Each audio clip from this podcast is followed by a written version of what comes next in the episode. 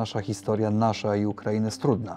Polskie zachowanie również prawdopodobnie miało podstawę w tym, że my znamy, jak brutalni, niebezpieczni mogą być Rosjanie. Jaką drogę musi przejść hierarchia cerkwi prawosławnej, żeby usprawiedliwiać to, co robi Putin i nadbudować to biblijnie, religijnie i tak dalej. To jest coś, nad czym się najdłużej zastanawiam. Drugi y, obraz to jest tego oporu tego narodu. Cały czas tej nieprzerwanej walki i, i niepoddawania się przy tym niebywałym naporze bezwzględnej siły militarnej Rosji.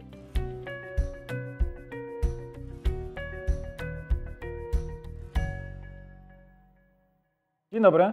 Mija rok od kiedy Rosja zaatakowała Ukrainę. Swoimi refleksjami rok od wybuchu wojny podzielą się Rafał Jerzy, prezes Grupy Kapitałowej Immobile Dzień dobry. oraz Marcin Kowalski, komentator, były dziennikarz. Dzień dobry. Zacznijmy proszę od e, tego, mm, co nas bardzo zaskoczyło, czyli tych pokładów empatii, które zostały uwolnione, została uwolniona w Polakach. Uchodźcy. E, Jak patrzycie po 12 miesiącach od dnia, kiedy zaczęli pojawiać się przy polskiej granicy i ta fala pomocy była e, bezprecedensowa?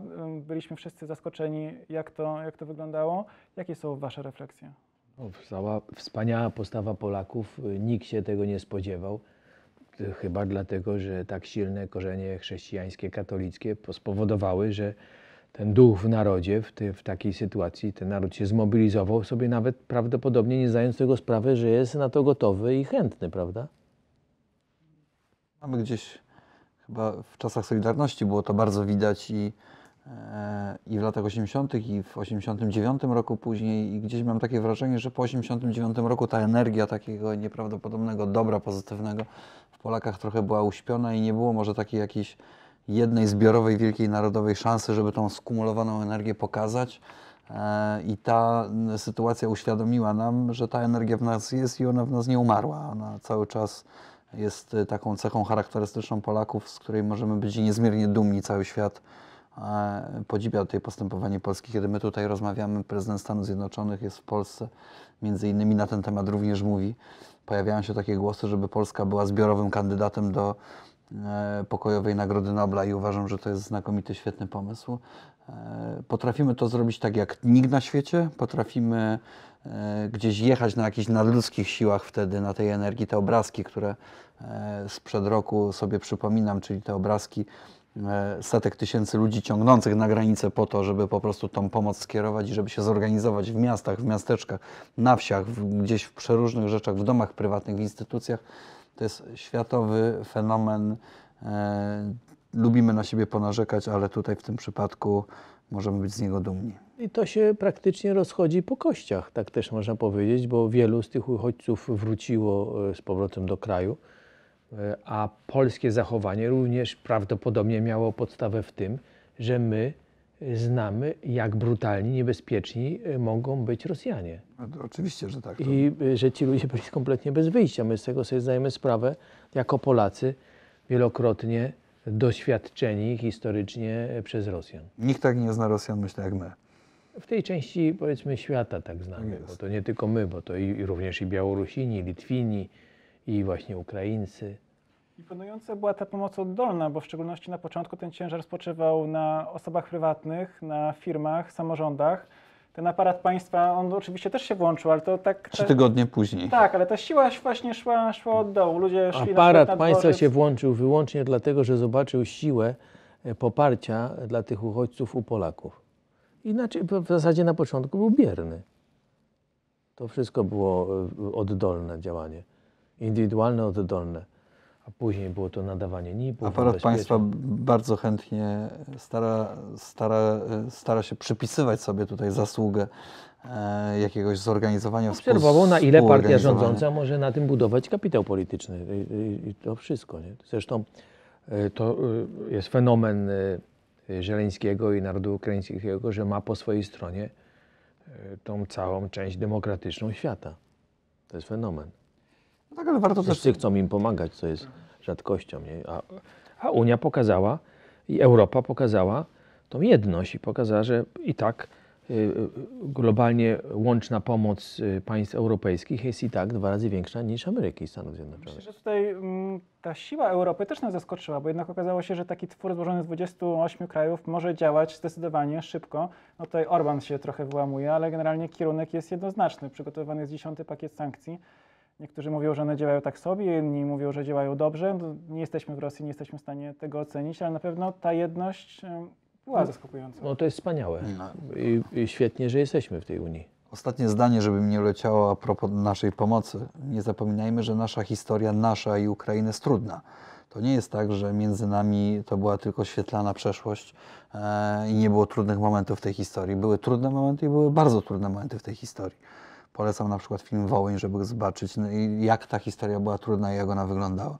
A mimo wszystko, mimo tej trudnej historii, ten okrzyk Slawa Ukrainie, Herojom Slawa dla wielu Polaków starszych i tak dalej, to był okrzyk, który no, y, nie zwiastował niczego dobrego. A mimo tego mm, myśmy potrafili wznieść się ponad to i to jest też jakaś nieprawdopodobna moc, że potrafimy wznieść się ponad to, co gdzieś głęboko w nas siedzi. Jeśli chodzi o mm, Unię i o to, co Unia robi, to rzeczywiście jest nieprawdopodobne, bo wydawało nam się, że Unia jest taką nudną, stagnacyjną, jakąś e, ugrzęzłą w jakichś biurokratycznych e, procedurach i papierkach, e, e, siłą bardziej papierową, która nie ma żadnego przełożenia takiego konkretnego, a przypadek e, ostatniego roku pokazuje, że nie do końca to jest prawda. Oczywiście cały czas jest za wolno, oczywiście cały czas jest za mało. No tak, ale my Polacy no tak myślimy, dalej. że jest cały czas w Unii wyścig, kto więcej otrzyma, kto więcej od kogo zabierze. To na tym nie polega ta Unia. Ta Unia polega na podejmowaniu właściwych decyzji, y, przynajmniej y, y, korzystnych dla większości członków tej Unii. To nie polega na wyścigu, kto komu więcej zabierze, kto więcej dostanie. Jeszcze wracając do uchodźców, jak patrzycie na te napięcia, no, które są nieuniknione przy takiej fali ludzi?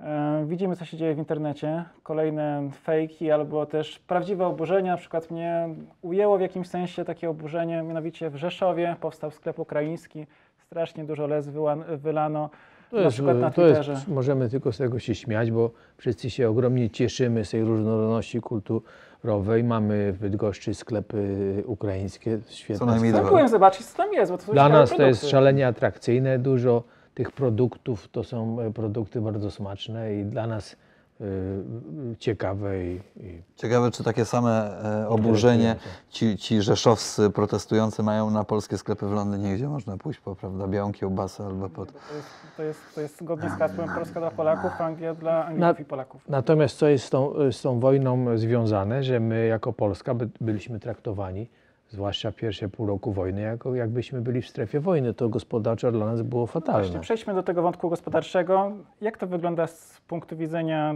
spółki, która mm, operuje w wielu, wielu obszarach? No był na pewno ten okres niepewności, a co jeszcze? No, na początku był zupełny rollercoaster, jeżeli chodzi o y, koszty surowców. One szalały i te, i te koszty energetyczne, i koszty y, półproduktów, z, których my korzystamy, i k- zakontraktowanej pracy w różnych miejscach, one po prostu szalały. Tak, dynamika była tak ogromna, że byliśmy w ogromnym strachu, ale udało się to wszystko pozytywnie, y, ten rok ubiegły pozytywnie zakończyć, więc ono po- początkowa panika, a później już stabilizacja, umiejętność przez nas znalezienia się w takich sytuacjach. Przecież mieliśmy tutaj w Polsce różne okresy gospodarcze i jesteśmy również przyzwyczajeni y, do konieczności podejmowania decyzji w, w takiej zmienności i w trudnych sa- czasach. Ale no bo prezes też prowadzi transakcje z innymi krajami. Czy odczuł prezes w takich relacjach, że dla niektórych no, Polska to jest kraj przyfrontowy, że to, się, to można było... No tak, no ta przyfrontowość to szczególnie dotyczyła y, y, naszego hotelarstwa, no bo to ilość y, turystów i wizyt tych zagranicznych, y, najpierw COVID, a później wojna, y, więc no, można y, tu przytoczyć y, te miasta, które żyły tylko z turystyki, no to jest, my mamy akurat w Trójmieście hotele i tam ten spadek przyjazdów z Europy był dużo, był duży, znaczący, również w całym sezonie letnim, ale Kraków to ucierpiał straty. niebywale, bo, bo w- Polsce w zasadzie dojrzałe rynki hotelarskie to jest tylko Kraków, Warszawa i Trójmiasto i do- dorównuje trochę Wrocław. A pozostałe mają jeszcze dużo miejsca na nowe obiekty hotelarskie i się będą dalej rozwijały dynamicznie, ale ten rynek już rozwinięty, właśnie krakowski czy trójmiejski,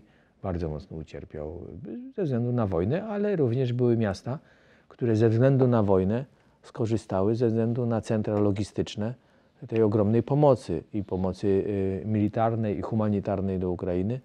No to jest Rzeszów, Lublin, ale również Elbląg, ze względu na jednostki stacjonujące tam wojskowe, które zabezpieczają y, flankę NATO przed y, obwodem kaliningradzkim.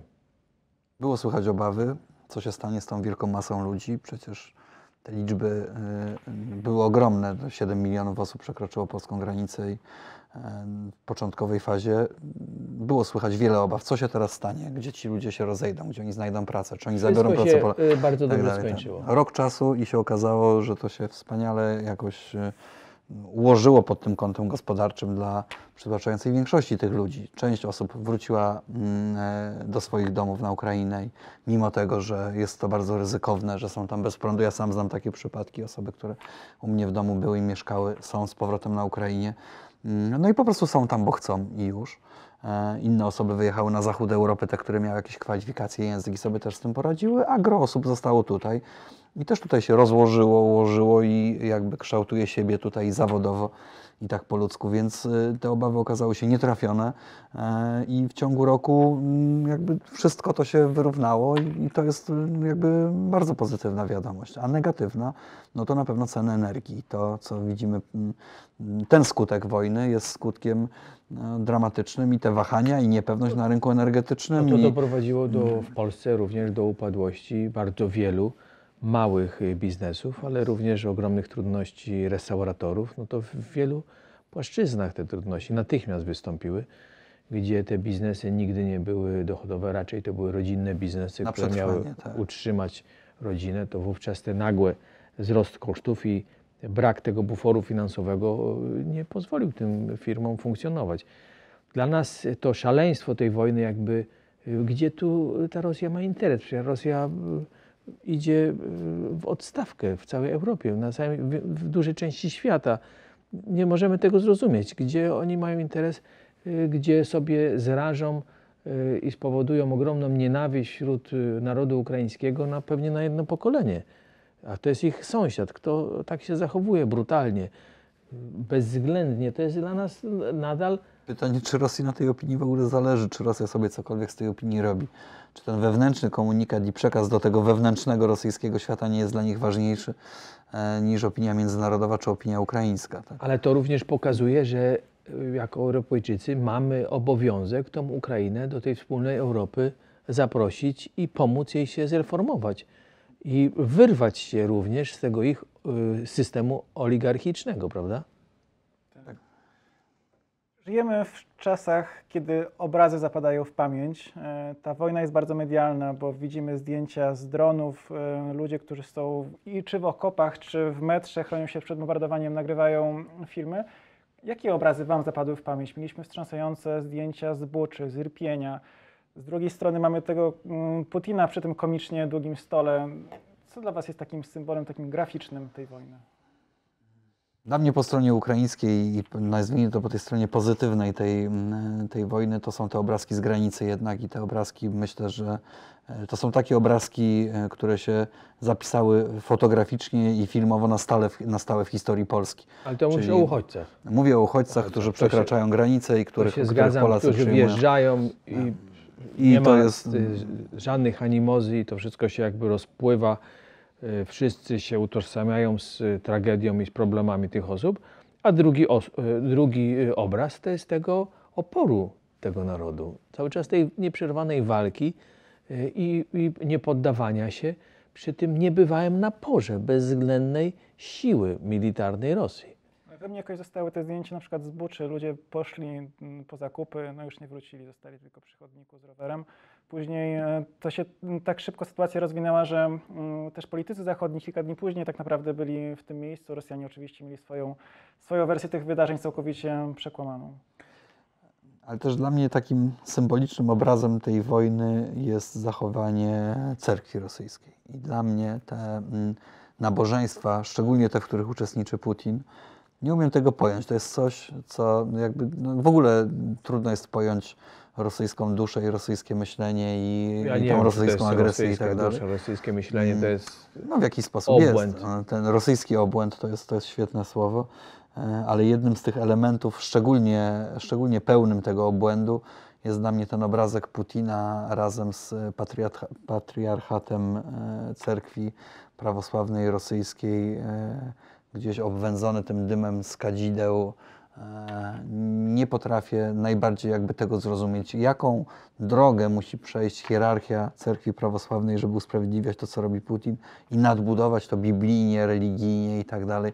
To jest coś, nad czym się najdłużej zastanawiam. Często słucham tłumaczeń, kazań hierarchów cerkwi prawosławnej i, e, i to, to, to cały czas mnie szokuje i zadziwia. Trudno spekulować, ale zapytam Was, e, jak myślicie, jaki będzie rozwój sytuacji? Wydaje się, że najgorszy scenariusz dla Ukrainy to jest takie zamrożenie tej sprawy, czyli ten konflikt gdzieś tam się toczy. No, Rosja lubi, lubi taki sposób załatwienia spraw typu Naddniestrze, czyli strefa jakaś taka niczyja. Był taki okres, kiedy też w Donbasie tak to mniej więcej wyglądało. Jak na to patrzycie? Odsyłamy też do takiego filmu, w którym Piotr Kulesa tłumaczył, że dla mm, gospodarki i państwa, jeśli chodzi o wojnę, najgorsza jest wojna obronna na swoim terytorium. Jest najbardziej dewastująca. Wyniszczająca, tak jest. To jest to No wynika my jako Polska mieliśmy trzy wojny północne, które się u nas toczyły i prawie przestaliśmy istnieć na 120 lat, nie? Dokładnie tak. Przestaliśmy istnieć. Ale ten scenariusz, jaki tam się rozwinie, no chyba jedyni Ukraińcy mają interes, żeby szybko to skończyć. No niestety nie widać, żeby pozostali mieli interes, żeby szybko to skończyć. Bo mimo tej gigantycznej pomocy, no, tutaj trudno mówić o dążeniu do zwycięstwa. Jest faktycznie heroiczna wojna obronna, ale co dalej? Dwa scenariusze się rysują Żaden i, dobry, nie? i żaden dobry. Jeden scenariusz to trochę tak jak w Czeczenii, trochę tak jak w Abchazji, trochę tak jak w Naddniestrze, trochę tak jak e, e, w innych miejscach, w Afganistanie przez lata. Rosja lubi taki model, że gdzieś się osadzi i tam sobie jest i tak naprawdę panuje tam jakiś totalny chaos i ten świat jest nieuporządkowany, a Rosja czerpie z tego profity i to może trwać latami 4, 8, 10, a może 20. I to jest scenariusz dla nas, dla Ukrainy, dla świata koszmarny. A drugi scenariusz to jest scenariusz jednej wielkiej niewiadomej. No, Rosja jest szalona i Putin jest szalony. My nie wiemy, do czego on jest zdolny. Ja umiem sobie wyobrazić, że przy potężnym dozbrojeniu Ukrainy i przy momencie, kiedy Ukraina zdobywa przewagę, o co przecież nam wszystkim w gruncie rzeczy chodzi, Rosja potrafi na przykład odpalić scenariusz atomowy. My w Polsce o nim w ogóle nie rozmawiamy. Mm, Na zachodzie Europy i w świecie również amerykańskim, kanadyjskim to są scenariusze, które są bardzo realnie brane pod uwagę. E, Myślę, że trafił w sedno e, redaktor Rzeczpospolitej Jędrzej Bielecki, pytany, dlaczego my o tym scenariuszu nie rozmawiamy, odpowiedział, bo się go boimy, bo bardzo się go boimy, bo jest bardzo blisko nas. E, I ja w 100% się z nim zgadzam. I to też jest scenariusz, który jest scenariuszem realnym i możliwym. I trzecia kwestia, tego, co się stanie z nami e, podczas trwania tej wojny dalej. Tak? Zauważam niepokojące e, pewne syndromy. One na razie gdzieś raczkują, one gdzieś pączkują, one są gdzieś jeszcze pochowane. Czyli coraz częściej wśród tej, tej ogromnej masy dobra zaczynają się też rzeczy nie do końca dobre, zaczyna się bezpodstawna krytyka, zaczyna się wchodzenie w takie fale sztucznej nienawiści wywoływane przeciw Ukraińcom. Są tacy, którzy żerują na tym politycznie, są tacy, którzy żerują na tym finansowo. I tego scenariusza też się bardzo obawiam, kiedy słyszę na przykład, y, y, jak y, rozmawiam przy stole z jakąś tam bliską mi osobą i ona mówi, że w mieście X, nieważne w jakim, e, oto Ukraińcy mają prawda, wielkie profity, benefity, ponieważ dzieci mogą posyłać do szkół, do przedszkoli, przynależą im się mieszkania i tak dalej. I oni tutaj mogą wszystko, dostają dodatkowe dotacje, dostają więcej pieniędzy, nie 500 plus, tylko 750 plus. Bzdura na bzdurze i bzdurą pogania. Są to wszystko, jest to zlepek takich fake newsów i kłamstw, które do ludzi, szczególnie prostych, nie analizujących jakby świata pod kątem medialnym i tego, co się dzieje, coraz No częściej tak, ale to się trafiają. okazało, że jesteśmy kulturowo e, bardzo bliscy i bardzo szybko Ukraińcy tu się asymilują i to funkcjonuje. No i to jest jedyna nadzieja, żeby przełamać właśnie również te bzdury, które się na ten temat mówi. Miejmy kraju, nadzieję, że to że dobro mamy- wygra ze złem. Że mieliśmy. COVID, że mieliśmy dużo większą umieralność e, w covid niż średnią niż w poprzednich latach, gdzie e, mamy bardzo niską dzietność u kobiet, no to na koniec dla nas to jest też korzystne, że oni tu przyjechali i mieszkają. No, przekroczyliśmy 40 milionów i to jest trwały trend. Ale nie na stałe. No, na razie nie. Dziękujemy. Odsyłamy do innych filmów związanych e, z wojną w Ukrainie. Mieliśmy wypowiedzi uchodźców, e, a także e, to była Żenia, która tutaj opowiedziała o swojej historii, ale też Sasza, który jest tutaj już od 30 lat. Mieliśmy też rozmowę o dezinformacji i wojnie w internecie. Do wszystkich ciekawych materiałów odsyłamy. Na dziś to wszystko. Dziękujemy. Zachęcamy do lajkowania, subskrybowania, komentowania. Do zobaczenia. Do zobaczenia. Dziękujemy, do zobaczenia.